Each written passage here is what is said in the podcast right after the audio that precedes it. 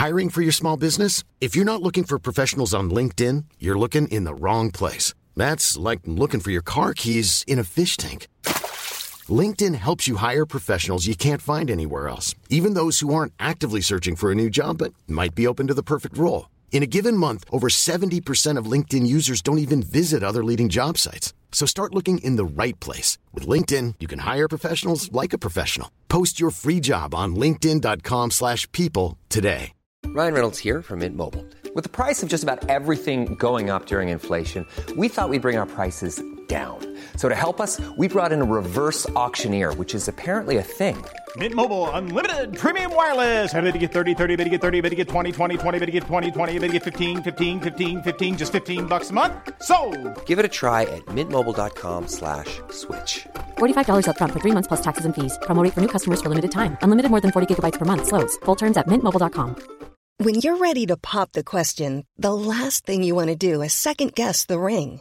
At Bluenile.com, you can design a one of a kind ring with the ease and convenience of shopping online. Choose your diamond and setting. When you find the one, you'll get it delivered right to your door. Go to Bluenile.com and use promo code LISTEN to get $50 off your purchase of $500 or more. That's code LISTEN at Bluenile.com for $50 off your purchase.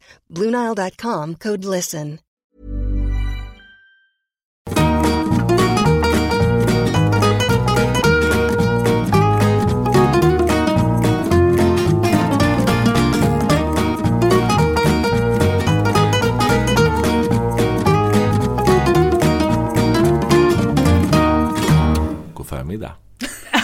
Välkommen till Kulturråden. Hej! Du har sån himla eh, P1-röst när du vill. Ah, vänta, låt mig göra en gång till. God förmiddag. Välkommen till Kulturråden. Jag känner att du vi också kan skulle inte- kunna läsa vädret. Ja. Vi kan- Alltså, Norra Kvarken känner jag ligger bra i din mun. Eh, Jag trodde du sa Norra Klarken. Jag tänkte Norra på Cecilias kille. Men, men jag tänker också att vi kan inte göra mer på min röst. Det, det är som att jag ber om det bara, "Ah, kommer ni ihåg? Jättepinsamt. Jätte, jättepinsamt. Så kan man faktiskt inte hålla på ute med hoven på det sättet. Så istället, hej! Eh, vad kul att vi har samlats igen och att ni kära lyssnare där ute lyssnar.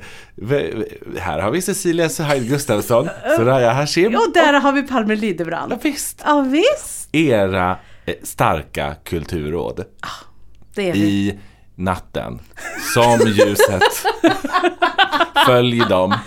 Och det här är precis som en, en person som ska hålla ett bröllopstal fast inte har skrivit klart det utan skriver det as he speak. Du menar mig varje gång vi spelar in podd.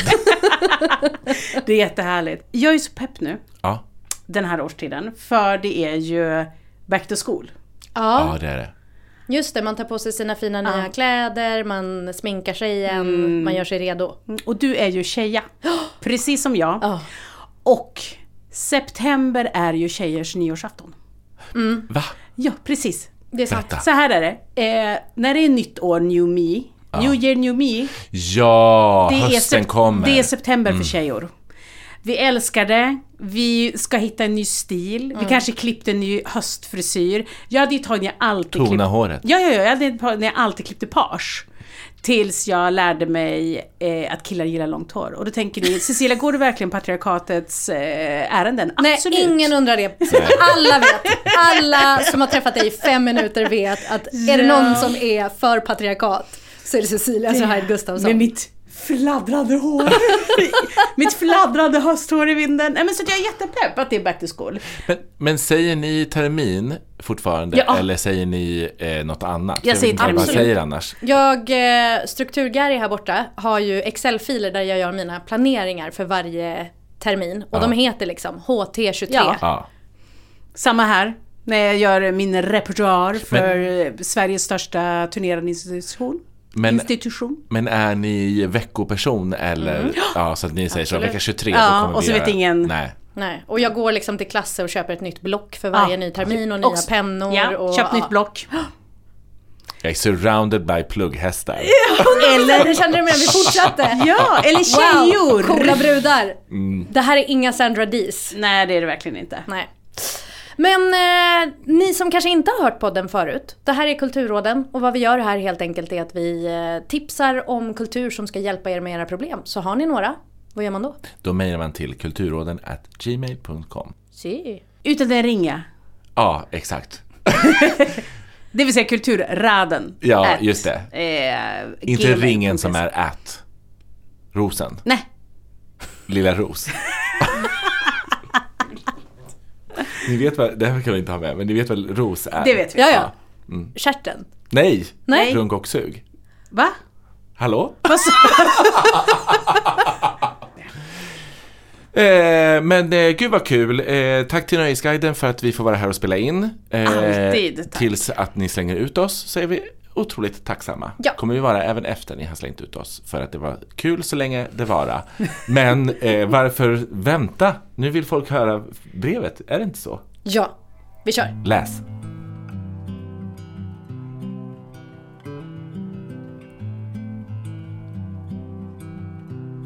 Hej Kulturråden!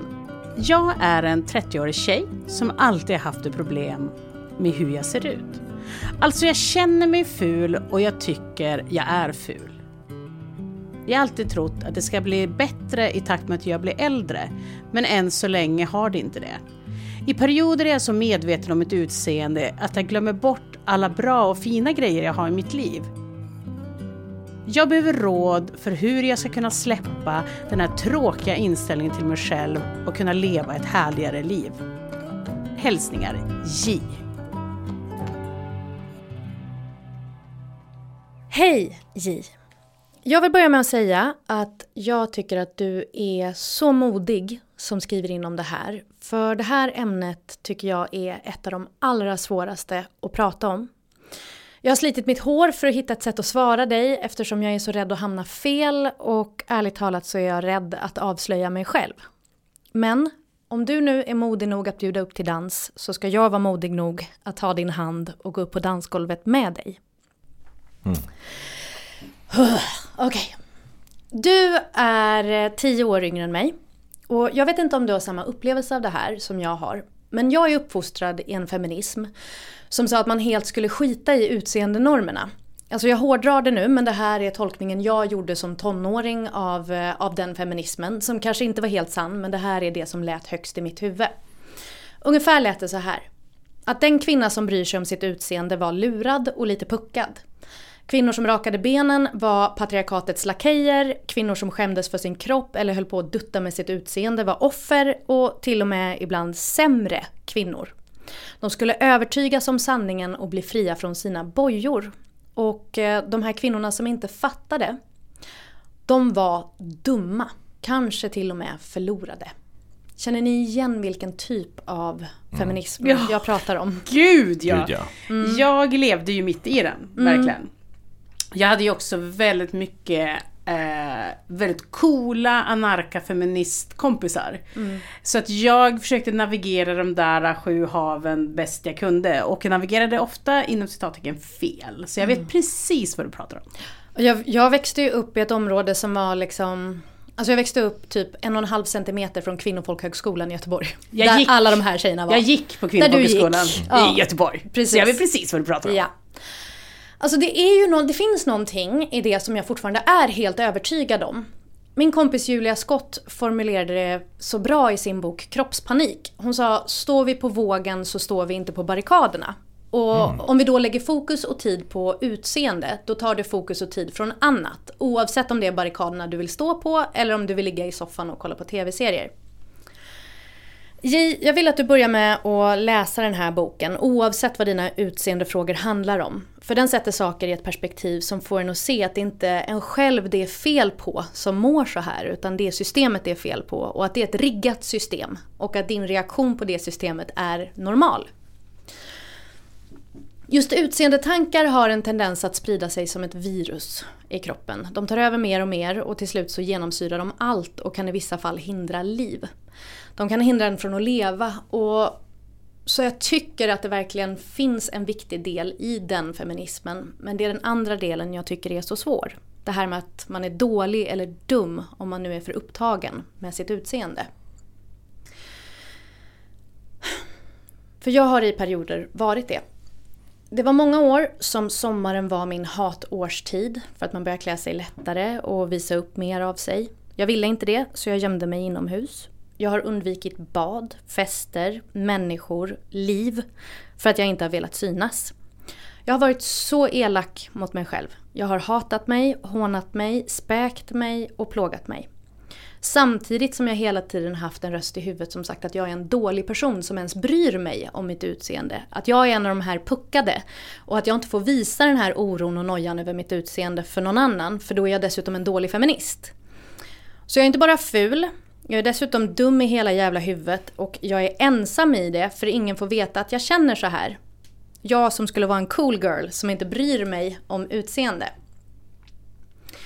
I ungefär tio år så har jag mått bättre och bättre kring mitt utseende och till slut faktiskt mått generellt riktigt bra i hur jag ser ut.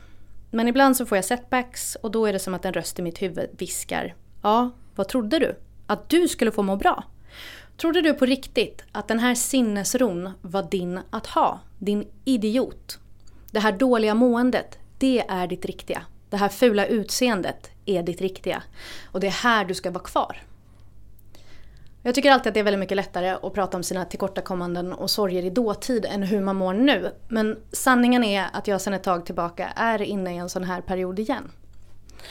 Och jag fattade nog inte riktigt hur illa det var förrän jag nyligen var på en fest där jag inte kände så många.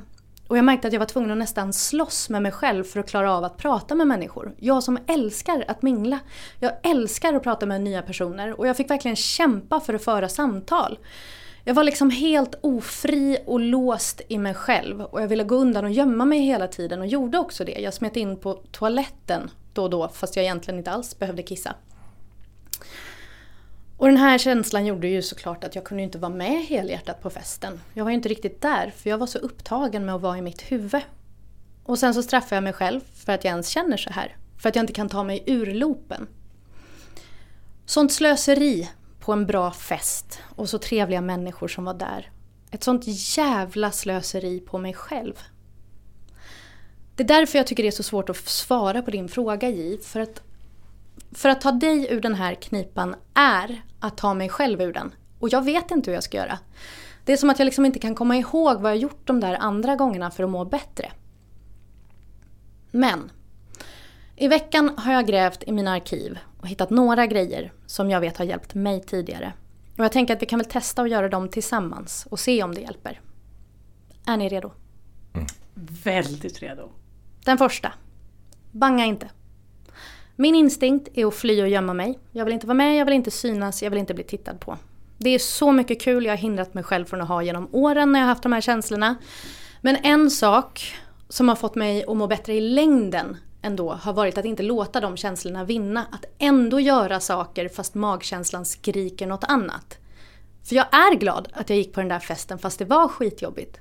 Alltså trots att jag tvingade mig så hade jag ändå några riktigt roliga samtal. Vi pratade om och extremt obscena och roliga saker. Alltså det var perfekt, men jag mådde piss, men det var ändå kul på något sätt. Bara det att du var kvar och liksom är ju också en vinst i sig. Ja, mm. absolut. Men det var också i obygden och jag var mm. den som var nykter och skulle köra hem. Så, att, ja, jag, så jag hade inget alternativ. Men också är ju det bra, att inte ha några alternativ. Nej, ja. man måste bara vara där. Hade det varit på Söder så kanske du hade dragit. Jag hade smitit rakt mm. av, men nu kunde jag inte det. Och det blev ja, men det blev kul, det var bra och alla var verkligen så himla, himla gulliga på den här festen. Och nu har jag en massa saker inplanerade som jag inte tänker missa. Alltså det är ungefär 540-årsfester i höst. Jag har några datum som jag ska sitta och snacka om saker i TV4 och jag ska gifta mig. Jag kommer synas och så får det vara. Jalla!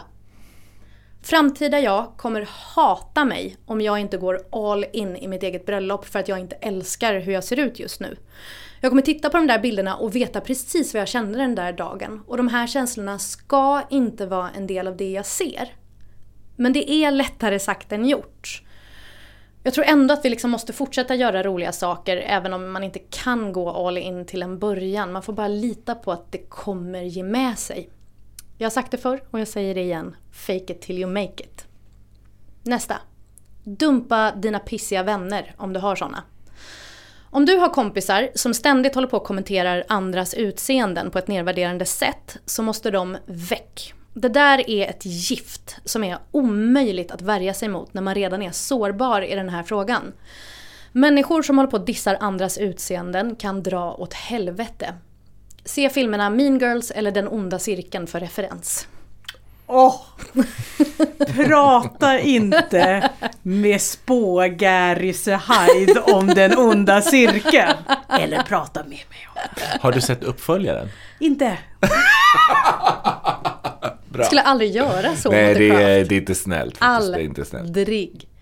Alltså de, de här mean girlsen, de här personerna som håller på och snackar skit om hur andra ser ut. Det är ju så uppenbart att det här handlar om deras egna osäkerheter. Men den skiten får man inte lägga på andra. Alltså det är omöjligt att lyssna på sådana saker utan att börja värdera sitt eget utseende i jämförelse med det den personen säger är, är fult eller fel. Eh, direkt börjar man tänka på liksom olika kroppsdelar och ja, det, det går inte. Och då tänker jag så här att en mogen person, den tar ju ett snack med den här vännen. En omogen person smiter ut genom bakdörren och slutar svara på sms. Ehm, vilken väg du väljer, J, det är upp till dig. Men det där ska inte finnas i närheten av dig. Sist. På tal om vänner. Bli vän med Tone Schunnesson. Jag älskar Tone. Eh, underbar person att följa på internet. Eh, hon hade frågestund på Instagram. Frågan var, vilka tips har du angående att vara snällare mot dig själv? Och så skrev hon bara, banta inte. Och om du bantar, förlåt dig själv. Att hon har skrivit det på det sättet är en gåva. Det är verkligen det. Författaren Tone Schunnesson har hyllats för sina romaner Tripprapporter och Dagarna, dagarna, dagarna. Hon intervjuades förra vintern av tidningen ETC med anledning av sin senaste bok Tone, tur och retur. Och där var det en stor bild på henne i artikeln och rubriken var ett citat där det stod Ja, jag är ful. Vad ska du göra åt det?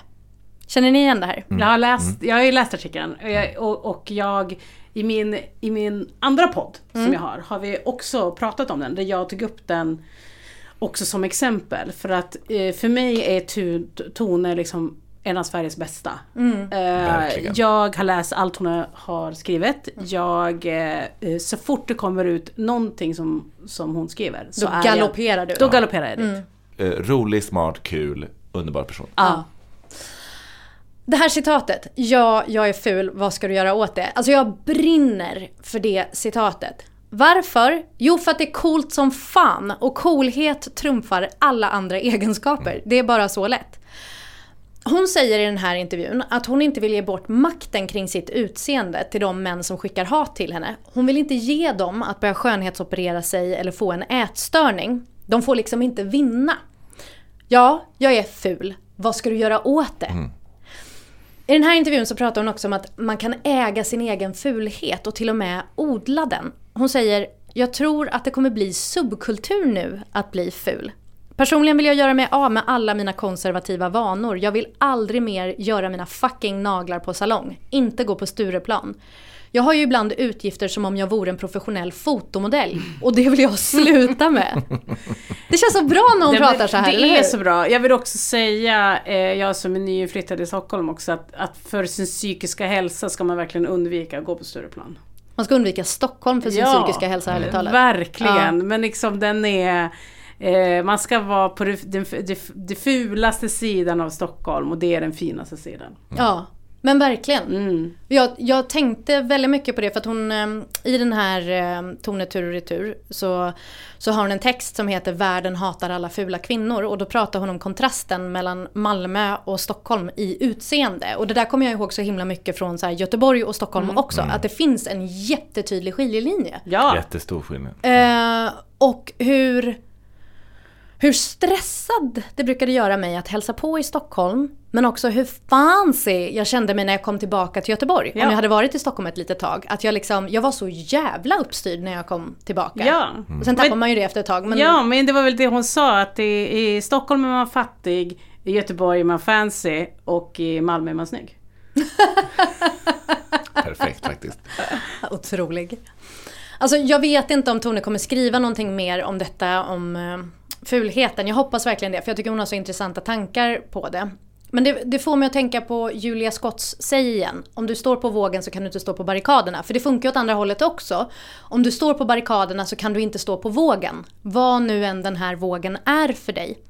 Jag älskar tanken på att äga sin egen fulhet som motstånd mot ett skitsystem. Att varken ändra på sig och göra ingrepp eller liknande. Eller att piffa upp det man har och kalla det för kroppspositivism. Utan att bara liksom luta sig tillbaka och säga Jajamän, allt detta är mitt. Vad ska du göra åt det? Och när jag tänker så och när jag läser Tone så känner jag lite hur livet kommer tillbaka till mig. Även nu när jag bara säger de här orden. Jag går liksom in i känslan av att vara en mätt kung som bara är nöjd och som ingen kan komma åt. Den här frågan är komplex, jag vet. Och jag har ju uppenbarligen inte alla svar för jag är, jag är ganska uppe i det själv just nu. Eh, för mig blev det bättre efter 30 generellt. Eh, även om jag liksom har den här skiten prick just nu och jag vet att den så småningom kommer gå över. Det är bara att den är där den är just nu. Jag kan inte göra supermycket åt den. Men mina tips till dig J är 1. Läs Julia Scotts bok Kroppspanik. Två, Läs den här texten som heter Världen hatar fula kvinnor i Tone Schunnessons bok Tone tur och retur. Sen ska du läsa den här eh, ETC-artikeln som jag pratade om. Sök på orden “Ja, jag är ful, vad ska du göra åt det?” Klicka dig in på etc.se och läs den.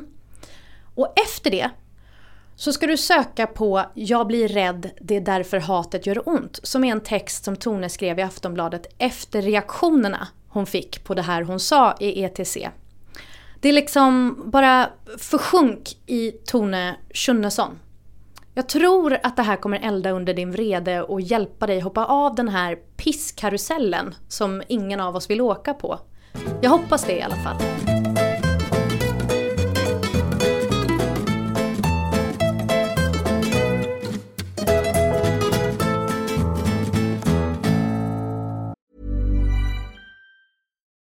Life is full of what ifs. Some awesome, like what if AI could fold your laundry?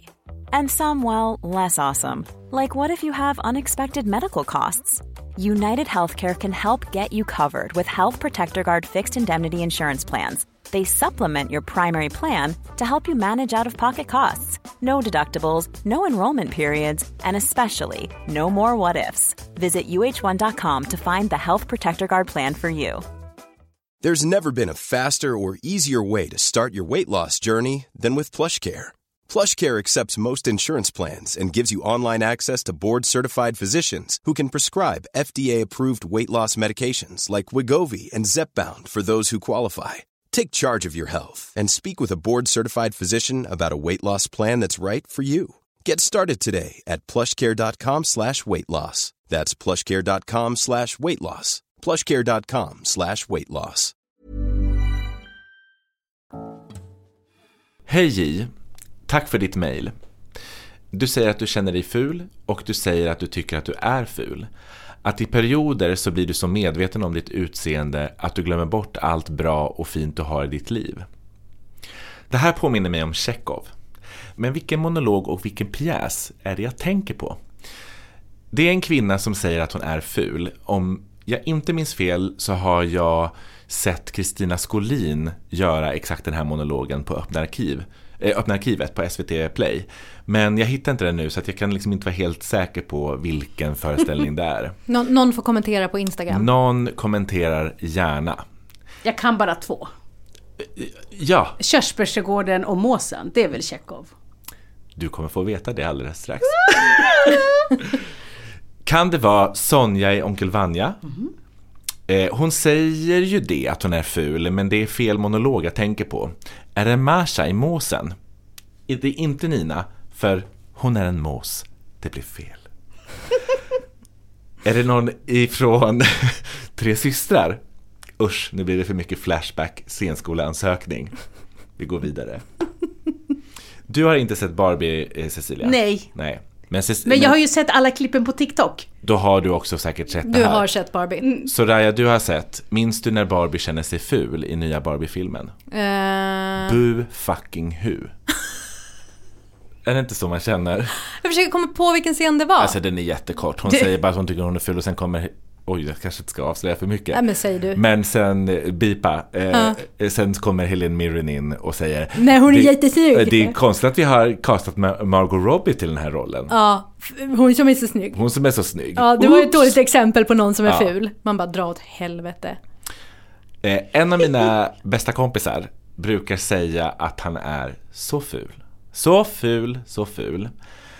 När han är på det humöret. Eh, för mig känns det lite som, och det säger jag också varje gång, att det är som att jag pratar med den snygga tjejen i klassen som säger att hon är så ful. Och alla vet, egentligen också hon, det vill säga min kompis, att den som faktiskt är ful av oss två är jag.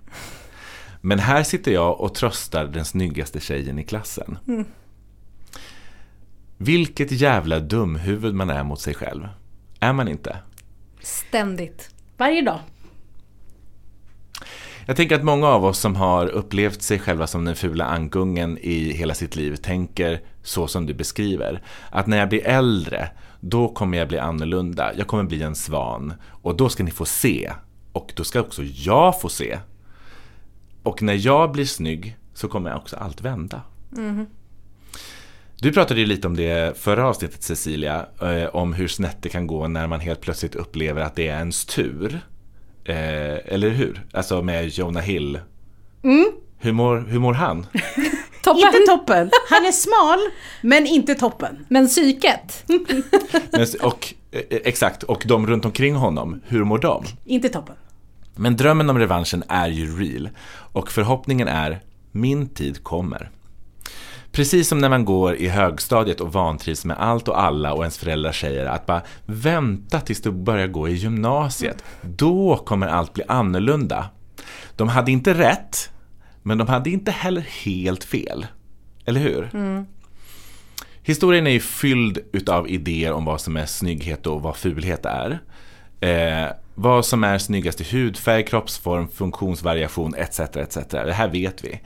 Många saker har ändrats över tid och rum. Eh, andra saker är mer bestående, normbestämda. Men inget är hugget i sten. Det här vet vi. Inget av det här är sanning, men vi förhåller oss som om det vore det. Och eftersom historien är fylld av de här idéerna så finns det också väldigt många karaktärer inom dramatiken som är fula. Eller som så att säga är skeva inom kaninöron. Usch, jag hatar verkligen kaninöron. Jag brukar säga haröron. Ja, det men det är kanske är värre. inte bättre. Nej. Men jag tror att jag sa det nu bara för att jag är osäker på om man säger citations... Citationstecken. Ja. Inte situationstecken Nej. som jag säger. Egenskapen hos de här karaktärerna kan ibland vara, vara den fula. Att vara den fula är oftast eh, för att man ska bevisa att skönheten inombords är det viktigaste. Jag tänker till exempel på Cyrano de Bergeracs stora näsa, bara för att nämna någon. Han är förälskad i sin kusin Roxanne, fräscht. Men tänker att känslorna kan ju inte vara besvarade när han är så ful. Eh, Det hela utvecklar sig till ett triangeldrama där den snygga men lite korkade Christian eh, tar hjälp av Cyrano för att charma Roxanne som tycker att Christian är the total package. Men verkar det inte som att det Christian säger är repliker diktade av någon annan? Förväxling och skådespel, yta och innehåll, schablonbilder. Som upplagt för ett, en buffé av teaterpjäs. I själva verket så skäms alla lite grann för vem de egentligen är och ingen tycker att de är bra nog för den andra. Sensmoralen är såklart att skönheten kommer inifrån. Vi känner igen det. Vi har sett det, vi har växt upp med det. Frågan är, hatar vi det? Ja och nej. Alltså, ja och nej. För det är ju sant. Karisma vinner alltid över utseende. På alla, alltid. Karisma är alltid starkare än utseende. Men det är ju blicken man har på någon annan. Vad man känner inuti är ju någonting helt annat. Cecilia, hatar du budskapet skönheten kommer inifrån? Nej, eh, eh, jag vet inte, jag, jag tror inte jag berättade i den här podden, men jag, kan- i min förra podd, i min andra podd, eh, så sa eh, min mamma när hon såg min kille, hur kan du ha fått en sån snygg kille? Så jag har blivit liksom, eh, hur ska jag säga, gått igenom stålbadet. Eh, om, och, och då sa hon, den har du fått för din karisma. Så att jag vet precis vad karisma är. Just det här är det som är så svårt. Eh, idén är ju att vi alla är vinnare så länge vi är goda. Och eh, Man älskar idén för att det är att skönheten inte är det som betyder mest. Men man hatar det också för att man accepterar att skönheten är en rådande norm som man måste förhålla sig till. Mm. Och de säger ju att love is blind. Vi har sett det, vi har levt det tänkte jag säga. Ja, Och vi det har hatar vi. inte Fyra serien. säsonger har vi levt det. Eh, och de har inte rätt, men de har inte heller helt fel. Som sagt, vi vet att genom historien och även mellan människor som man känner så är snygghet och fulhet personligt och kontextuellt. Det kan förändras över tid. Men hur stävjar man ett brinnande självhat? Jag har tyvärr inget bra svar. Eh, jag frågar helt ärligt. Hur, st- hur stävjar man ett brinnande självhat? Jag tror att det var Project Runway, det kan också vara eh, America's Next Top Model, någon utav säsongerna, eh, som jag minns att jag har lärt mig att man ska feature your best asset. Världskändisarnas hemliga knep. Världskändisarna är precis som oss. Beyoncé, feature legs, Mm. väldigt ofta så, har en, jag tänkte säga baddräkt, men det är väl body. Benen är ute. Julia Roberts, leendet. Mm. J Lo, röven. Japp. Dolly Parton, pattarna. Och samma kändisar har också försäkrat sina kroppsdelar eh, och inte bara till värdet av fyra bugg utan det liksom är En Coca-Cola. det, det en Coca-Cola och hela min pension. Om ens en bråkdel. Japp, jag hade bara exempel på kvinnor. Kvinnohatet är min referensram tydligen. Det här är faktiskt inte ett jättedåligt tips. Jag har inte jättesnygga ben, men jag tycker inte att de är så himla otrevliga när jag har shorts på mig. Framhäver ni någonting? Är du Alexander Bard? Går omkring med shorts hela tiden. Homofobi, att du sätter oss i samma bur. På grund av shorts, eller vadå? Faktiskt. Det där var, det där var lågt sådär. Det var Förlåt. lågt sådär ja. Jag vet Usch. ingen annan som går omkring med shorts lika ofta.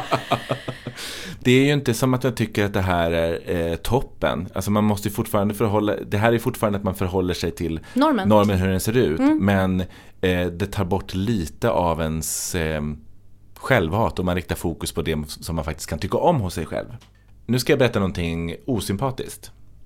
I första säsongen av Please Like Me, en australiensisk serie från 2013, om en kille som heter Josh. Har ni sett den här? Yes. Har du sett alla säker. säsonger? Yes. Ja. Jag googlar. Eh, Josh har diverse problem. Hans mamma har depressioner och har försökt ta livet av sig. Den skilda pappan gömmer sin nya flickvän från eh, den här mamman. Hans tjej gör slut med honom eftersom han är bög. Och hans bästa kompis är ihop med en tjej som han inte vill vara ihop med. Josh är inte normsnygg. Och Josh har visserligen 99 problems, men att hitta snygga killar ain't one. Eh, och det här är då i första säsongen. Hunken Jeffrey, som bara bestämmer sig från en dag att han och Josh är ihop från ingenstans. Han är på utseendepappret out of Josh's League. Eh, jag har för mig att Josh själv kallar sitt utseende i serien för en åldrande farmor. Men jag kan ha hittat på det. Joffrey å andra sidan, klassisk hunk. Sån jock-kille. Ni vet. I säsongen så träffar Josh också hunk nummer två, Brandon, på en bar. Och när de sen ska gå hem med varandra så säger Brandons vänner eh, framför Josh att det här är ett misstag eftersom Brandon kan gå hem med vilken eh, nej, han kan gå till vilken bar som helst, ragga upp vilken kille han vill, nöjd är inte med den fula. Josh blir ihop med Joffrey och de gör sen slut. Och när jag såg den här serien för tio år sedan så tänkte jag, vad i hela helvete gör du Josh? Du kommer inte kunna få någon snyggare än den här killen. Det här är också fiktion. Men det brann. Och när jag ser den här eh, serien idag så är det ju jätteledsamt. För att Josh gör slut för att det inte är rätt. Och det är väldigt uppenbart att de inte ska vara ihop. Eh, han är i själva verket inte så skön mot Josh. Och de har ingenting gemensamt och frågan är mest varför de blev ihop från början. Egentligen är agerandet det Josh gör en upprättelse. Och varför jag ville att de skulle vara ihop var främst för att jag själv levde mig in i rollen som Josh. Jag ville att det skulle kunna vara en sanning för mig. Vet ni vad den självupplevda fula ankungen gör när han blir gammal? Blir det inte det fula ankungen en svan och träffar sin livskärlek och så simmar de omkring? Och så blir det slut där. Det blir slut där. Men i verkligheten så tittar han på ett kort föreställande honom själv för tio år sedan. Han tittar på kortet och tänker, men att jag kunde vara så där snygg. Ja. Hur kunde jag inte fatta det då? Det är otroligt. Det är alla sanning. Om jag bara visste då hur snygg jag var, då skulle jag ha uppskattat det då. Mycket, mycket, mycket mer. Känner ni igen det här? Ja, det är alla sanning. Exakt så är det. Jag har ju pratat tidigare om Ugly Betty. Eh, det finns en scen ur avsnitt 16 från säsong 4, det vill säga i slutet av hela serien. Det går ganska bra för Betty, hon har tagit eh, stora karriärskliv, eh, lämnat dåliga relationer bakom sig. Betty har i det här avsnittet dejtat en framgångsrik pjäsförfattare. Låt oss kalla honom Anton Tjechov. Relationen är lite hemlig. Men på premiären så har hans manager och agent ordnat ett skenförhållande för att visa pressen att han är ihop med en snygging. Anton Tjechov gör som managern och agenten säger eftersom han har mindervärdeskomplex. Han har ett rykte att tänka på och att synas med snygga tjejer som kommer eh, och att synas med snygga tjejer kommer göra att han får press och uppmärksamhet. Betty, år fyra, slår honom på käften. Avsnittet slutar med att Betty sitter i familjens soffa hemma i Queens och gråter eh, med sin syster Hilda. Hon säger i princip, hur kunde jag tro att han skulle vara med mig? Att något sånt skulle kunna hända just mig, jag med min tandställning och hur jag ser ut. Och Hilda säger något så enkelt som Oh, honey. You gotta stop. Somehow you got it in your head that this is your story. But you gotta let that go. It's time to come up with a whole new story for yourself. You are who you are. And the sooner that you're okay with that, the sooner that you see what I see, the happier you're gonna be. I swear to God. Ja. Jag har sett flera uppsättningar av Måsen, Tre systrar, Körsbärsträdgården, men typ inte av Onkel Vanja. Eh, kanske någon, jag minns inte. Eh, men Måsen en, sätts ju också upp överallt hela tiden konstant. ja, så att det kan finnas risk att man har sett det några gånger. Ja, eller hur? Och, eh, Även också- av misstag. Och också chans, varsågod och se. Ja, också. Jag har sett den och gick i pausen. Är det sant? Eh, Jag gillar inte Chekhov. Alltså, eh, varannat år, det är ju också en sån scenskolegrej. Eh, Ja. Tjechov är ju så, monologernas författare. Ja. Han pågår kan man säga. Han, han pågår. Eh, men en tolkning som har satt sig fast i mig är Farnas Arbabis iscensättning från 2008 på Backateatern i Göteborg. Bahar Par spelade Nina, Bahadur Fouladi spelade Konstantin, Maria Hedborg spelade Arkaderna. Underbar scenografi av Jenny Kronberg. Kostymen som jag inte kan hitta någon information om, underbar. I Anton Tjechovs Måsen så är allt bara en waste. Jag läste på internet att någon har beskrivit det som a spectacle of waste. Ingen ser den andra för man är så upptagen av det som fyller en med otillräcklighet. Arkaderna är så besatta över sitt vackra utseende som hon upplever att ha byggt hennes skådiskarriär. Men nu när hon är äldre och ser den yngre generationen med dess så kallade skönhet tar plats på scenen så eh, blir hon helt besatt av sin egen skönhet som liksom försvinner då. Marsha går klädd i svart för att hon sörjer sitt liv. Det är också andra repliken i texten. I den här uppsättningen så var ungdomarna verkligen ungdomar, förflyttade till nutid. Och all ångest blev helt plötsligt eh, jätteverklig och nattsvart.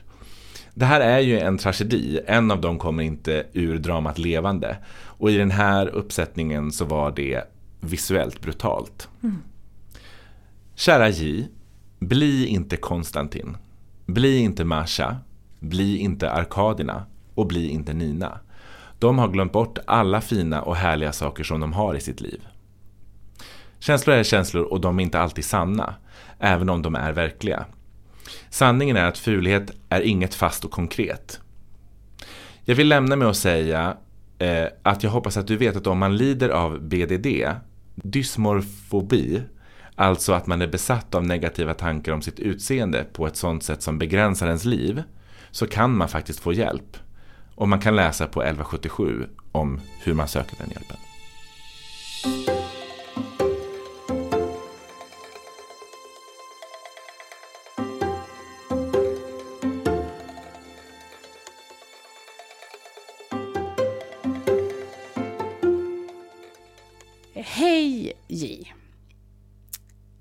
Väldigt tydligt minne jag har från barndomen var när klassens killar i mellanstadiet hängde upp en lista på klassens alla tjejer i snygghetsordning i kapprummet. Jag var inte först. Jag var inte heller sist. Eh, kanske trea från botten. Jag har alltid varit medveten om att jag inte har varit snygg.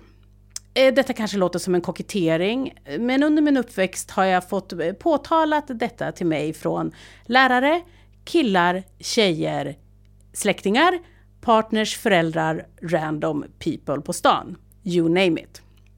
Hade det här varit en high school-film så hade jag gjort en glow-up efter den där listan och kommit en dag till skolan och varit skolans snyggaste tjej.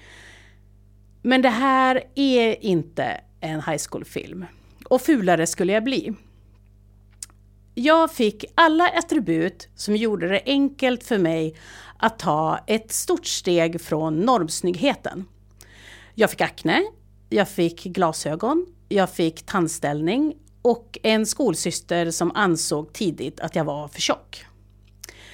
Jag hoppades genom mellanstadiet, högstadiet, gymnasiet och mina twenties att snart kommer han, min pojkvän. Men han kom aldrig. Jag hade nog peak eh, fulhet när jag var 26. I ett eh, ångestskov hade jag klippt av allt mitt hår med en kökssax till en kort landstingsfrisyr eh, ihop med ett par röda glasögon. Detta gjorde att jag såg ut som att jag var 50 plus, hette Marianne och arbetade på Försäkringskassan. Eh.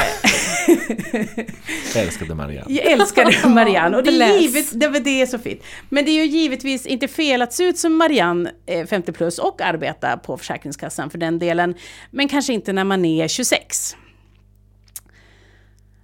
Man blir väldigt ödmjuk inför livet när man är ful. Man vet sin plats. Man vet att man inte kan tävla på samma arena som skolans Lucia eller tjejgängets snyggaste.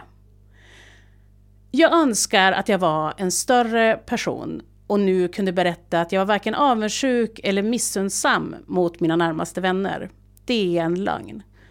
Det enda jag önskade i hela världen var att vara snygg.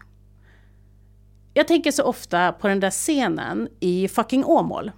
När pappan försöker förklara för Agnes att saker och ting kan vändas till det bättre när man blir äldre.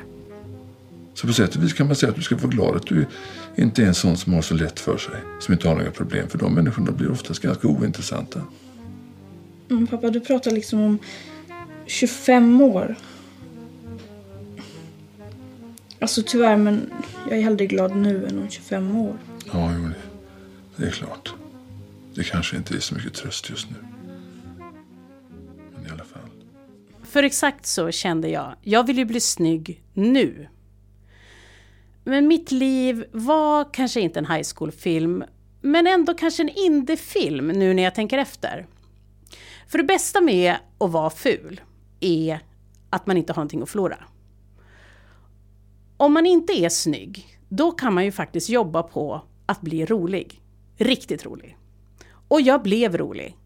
Jag blev orädd och rolig. Jag drog liksom grövre skämt än killarna. Jag backade inte en sekund för att ta plats i gängen på skolan. Jag blev framför allt jävligt kvicktänkt.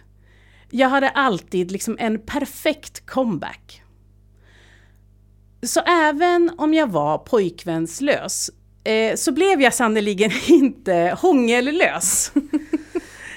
Eh, jag lärde mig att eftersom jag inte hade någonting att förlora så kunde jag liksom bli hur modig som helst.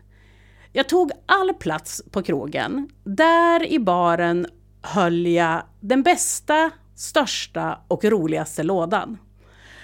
Eh, jag höll hov och det var där man ville vara. Liksom. Man flockades för man visste att här, precis runt den här lådan, blir det kul. Jag kunde utan problem vända mig till ett bord till exempel med okända killar och bara halloj! Och i slutet av den kvällen så var jag liksom deras bästa vän. Och ja, jag kanske inte sov hemma. Missförstå mig inte. Jag skiter inte i mitt utseende. Givetvis har jag som alla andra storpattade en god urringning och röda läppar. Hatar absolut inte att klä mig sexigt, varken då eller nu.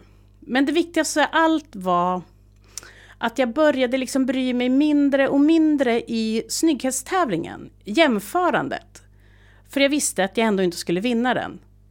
Mitt utseende blev liksom bara ett utseende. Något som kan förändras. Ibland är jag ful, ibland är jag sexig, ibland är jag lite snygg, ibland är jag en karriärskvinna och ibland är jag liksom allt det där och så vidare. Konstnären Cindy Sherman föddes 1954 på Long Island i ett välmående förort till New York. Där på Long Island kände hon sig ofta ganska kvävd och instängd i förorten och drömde sig bort i filmen och reklamens värld. När hon flyttar till Manhattan eh, och börjar studera konst eh, får hon upp intresset för fotografi. Fotografi på 70-talet var verkligen inte en respekterad konstform. Men med 70-talet kom förändring, både i konsten och i kvinnorollen. Hennes verk Untitled Film Stills visades 1980 och blir Shermans stora genombrott. Det som är utmärkande i Cindy Shermans konst är att hon ställer sig själv framför kameran. Här vill jag tillägga en parentes så att jag inte ska verka helt okunnig. I hennes tidiga verk har hon också porträtterat sig själv som en svart kvinna. Och det är hon inte. Detta har hon bett om ursäkt för och pratat om sin okunnighet på 70-talet. Slut på parentes. Men i bilderna växlar hon mellan en mängd olika roller. Utifrån kvinnliga stereotyper som yrkeskvinnan, vampen, den fallna kvinnan. Ingen av hennes verk har egentligen titlar, utan alla heter Untitled och en siffra. I de olika sviterna hon skapar tar liksom verken fram det groteska, det fula, det vackra, men allt liksom hör till den samtida kvinnan på något sätt. Hur hon liksom har förändrats genom historien. Och det är alltid med Cindy Sherman i huvudrollen i olika utstyrslar. Sminket är ofta sådär lite off, ni vet, lite sådär oattraktivt. Det sitter liksom lite skevt. Och varför pratar jag om Cindy Sherman? Jo, för att hon visar hur vi kan välja att se på vårt utseende. Hur tydligt att utseendet är liksom så subjektivt. Jag har stor respekt när folk säger att de är fula. Jag springer inte deras undsittning och skriker Nej, du är inte ful! Tvärtom, de är liksom mina mest intressanta människor att prata med. Man har rätt att äga den känslan, att känna sig och att vara ful. Men jag vill ge att du ska börja se dig själv utifrån. Jag hatade länge när folk tog foton på mig. För att jag hade inte kontroll. Jag hade inte kontroll på hur tjock jag såg ut, eh, att jag inte fick till min selfie-min. Och jag blev liksom alltid besviken när jag såg bilderna. För något år sedan, eh, jag vet faktiskt inte riktigt varför, så slutade jag liksom bara hålla på.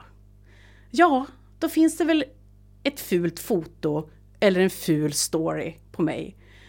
Vet du, varken jag eller världen går under av det. Nu har det gått 25 år. Det var exakt 25 år sedan Agnes låg i sängen på fucking Åmål. Och vi ville inte vänta. Jag kan berätta, och det är säkert en klen tröst nu kanske. Men jag tycker inte att jag är ful längre. Jag är fortfarande tjock, jag har glasögon och ibland akne. Jag är fortfarande rolig, men jag har lärt mig att se mig själv utifrån. I alla de här rollerna som jag haft genom livet, precis som Cindy Sherman.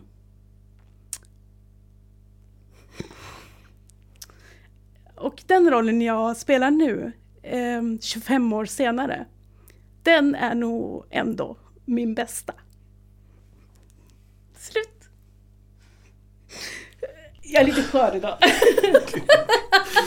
Det är inte jag. inte jag heller. Gud vad fint. Det är verkligen ett sånt pissämne det här. Jag, eftersom jag det hatar det här ämnet så, så mycket. himla... Eh, det är också så sorgligt när man tänker på att alla, man bara tittar ut i den här stan och alla går runt och tänker att man är ful. Mm. Jag vet. Och jag måste bara, eh, en, en liten passus, eh, och det får vi gärna ha med. En liten passus vill jag också säga att jag är liksom inte, jag är samtidigt inte- jag är inte ledsen för att jag känner att jag har slängt bort mitt liv på att känna mig ful. Verkligen, verkligen inte. Utan jag är mer, och nu, alltså det är så mycket självhjälpsbok, eh, bear with me, min första arbetsvecka, jag är skör, okay? att jag blir eh, glad över att eh, eh, mitt liv blev så bra.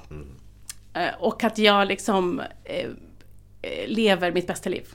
Och jag är 40 plus och det är otroligt. Det är så underbart. Ja. Det är fakt- verkligen så underbart. Ja. Men det är så himla med, alltså det går ju in i alla våra, liksom, när vi pratar om att det är så, det är sån waste av tid och liksom att, att det får ta så stor plats i ens liv. Mm. Mm. Att gå runt och känna att man är ful.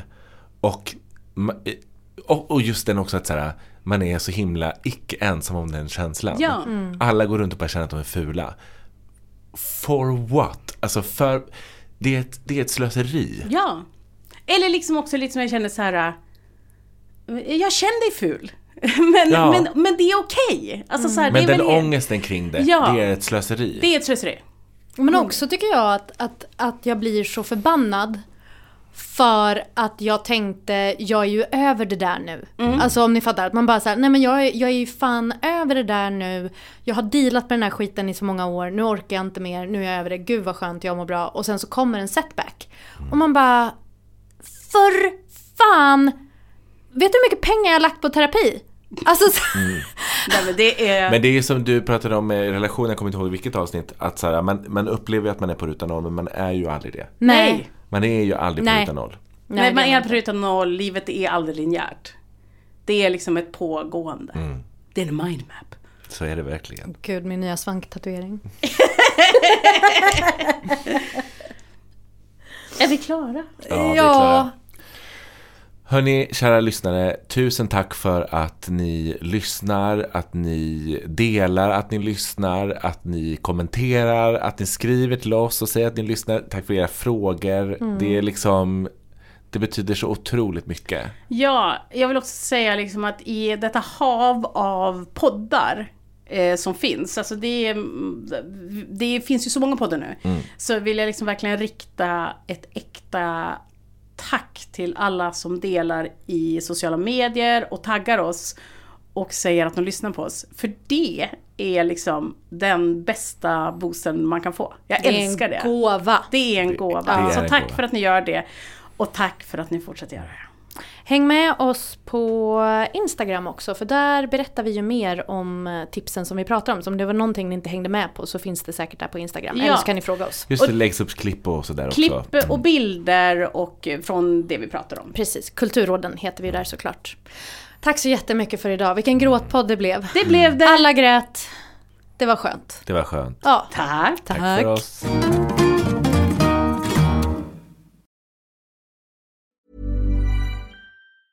Planning for your next trip? Elevate your travel style with Quince. Quince has all the jet setting essentials you'll want for your next getaway, like European linen, premium luggage options, buttery soft Italian leather bags, and so much more. And is all priced at 50 to 80% less than similar brands. Plus, Quince only works with factories that use safe and ethical manufacturing practices. Pack your bags with high-quality essentials you'll be wearing for vacations to come with Quince. Go to quince.com slash pack for free shipping and 365-day returns. Even when we're on a budget, we still deserve nice things. Quince is a place to scoop up stunning high-end goods for 50 to 80% less than similar brands. They have buttery soft cashmere sweaters starting at $50, luxurious Italian leather bags, and so much more. Plus, Quince only works with factories that use safe, ethical, and responsible manufacturing. Get the high-end goods you'll love without the high price tag with Quince. Go to quince.com slash style for free shipping and 365-day returns.